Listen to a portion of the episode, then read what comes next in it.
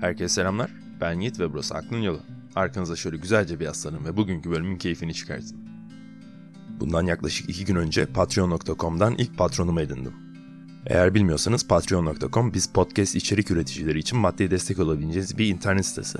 Ee, benim için çok değerli olan ilk maddi yardım yaptığı için Serkan Bey'e buradan teşekkürlerimi sunmak istiyorum.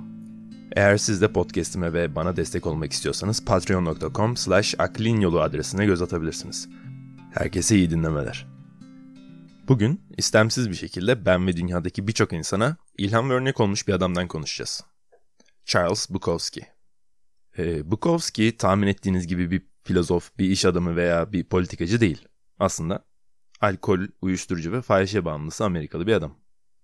İsterseniz Bukowski'nin bu hikayesini en baştan dinleyelim olur mu? Bukowski 1920 yılında Almanya'da doğdu. Ardından 1923 yılında ailesiyle beraber Amerika'ya taşındı. Öncelikle babası sebep olmak üzere birçok acı çekti. Ergenlik zamanlarında Bukowski bir cilt hastalığı yaşadı ve yüzünde sayılamayacak kadar sivilce çıktı. Bu da Bukowski üzerinde büyük bir kendine güvensizlik ve toplumdan izole yaşama dürtüsünü uyandırdı. Gençliğinde yaşadığı bu bütün sıkıntılar fikir ve düşüncelerin içerisinde birikmesine sebep oldu. Ve yazar olarak bütün bunları dile getirme isteğini de beraberinde getirdi.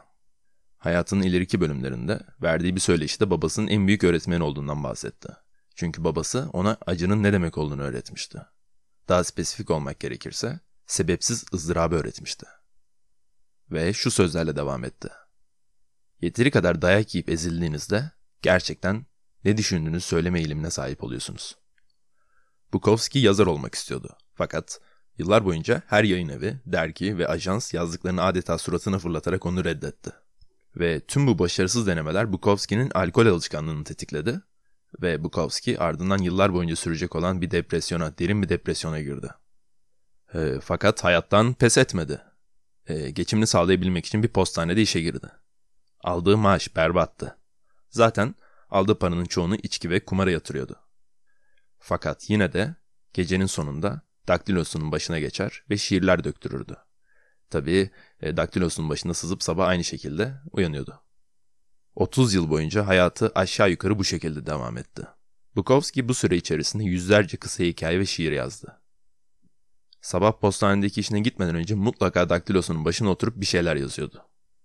50 yaşına geldiğinde başarısız ve anlamsız hayatı son hız devam ederken küçük bağımsız bir yayın evi editörü Bukowski'ye tuhaf bir ilgi duydu. Editör tabii ki de Bukowski'ye büyük paralar, başarılı bir kariyer vaat etmiyordu fakat bu Ayaş'a küçük de olsa sevgi ve inanç duyuyordu diyebiliriz. Bu Bukowski'nin başına gelen ilk fırsattı ve kendinin de tahmin ettiği gibi son fırsat olacaktı. Bukowski editöre şöyle yazdı. İki tane şansım var. Ya bu postanede kalacağım ve delireceğim ya da istifa edip yazarı oynayacağım ve açlıktan öleceğim. Açlıktan ölmeye karar verdim. Ee, Bukowski'nin bu kararı ardından ilk yayınlanacak romanı 3 hafta içerisinde yazdı. Romanın ismi Postaneydi.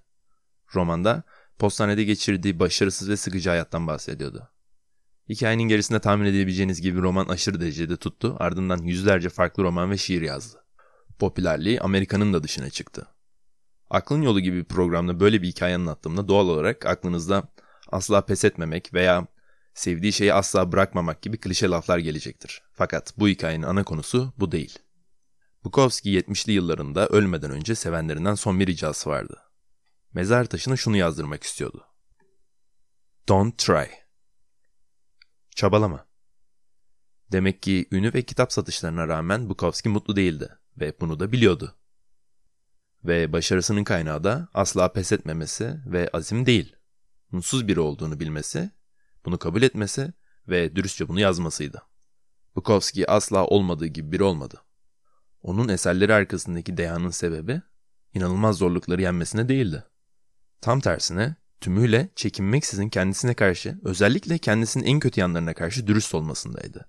Ve başarısızlıklarını bocalamadan ve kuşkuya düşmeden insanlarla paylaşabilmesiydi.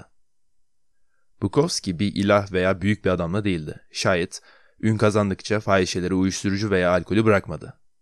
Kişisel gelişim ve başarı çoğunlukla beraber ortaya çıkar fakat bu illaki aynı şey oldukları anlamına gelmez. Bugün içerisinde yaşadığımız dünya takıntılı bir şekilde gerçek dışı pozitif beklentilere odaklanmıştır. Para kazanmanın en güzel yöntemlerini öğrenirsiniz çünkü yeteri kadar paranız olmadığını düşünürsünüz. Aynanın önünde durup güzel olduğunuzu olumlarsınız çünkü kendinizi güzel hissetmezsiniz.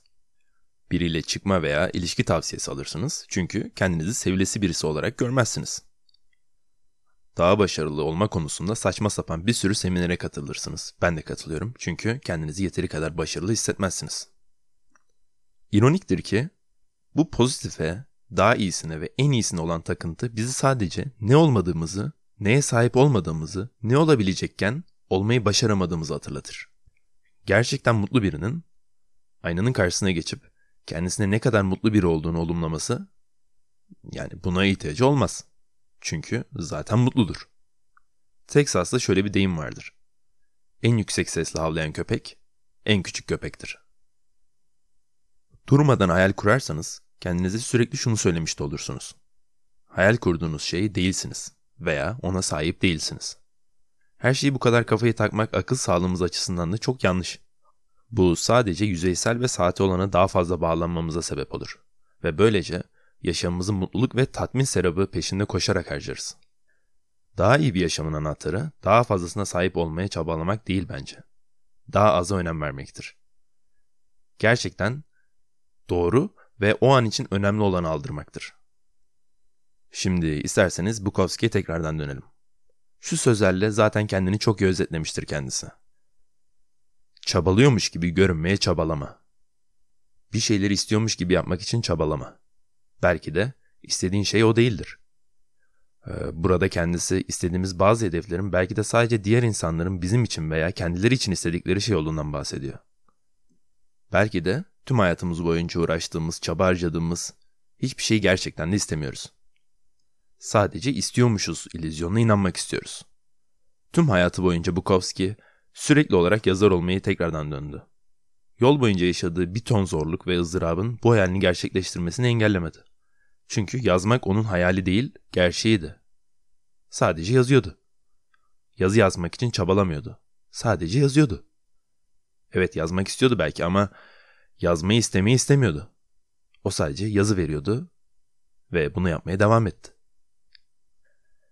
Evet, belki Bukowski'nin ne demek veya ne anlatmak istediğini hiçbir zaman tam anlamıyla bilemeyeceğiz. Fakat eğer bir şeyi denememek sizi denemekten daha fazla zarar veriyorsa, gerçekten istediğiniz şeyin tam anlamıyla tüm vücudunuzu, ruhunuzu, zihninizi dizginliyor, aynı zamanda da harekete geçiriyorsa, Bukowski'nin çabalama lafı belki de anlamsız. Çok kişi aslında bunu bilmez. Charles Bukowski'nin ünlü don't try lafı don't try diyerek bitmiyor. Bu cümlenin devamı var. Ve bu cümlenin devamı beni belki hayatımın sonuna kadar ona hayran bırakacaktır. Çabalama. Fakat her şeye rağmen çabalayacaksan da sonuna kadar git. Charles Bukowski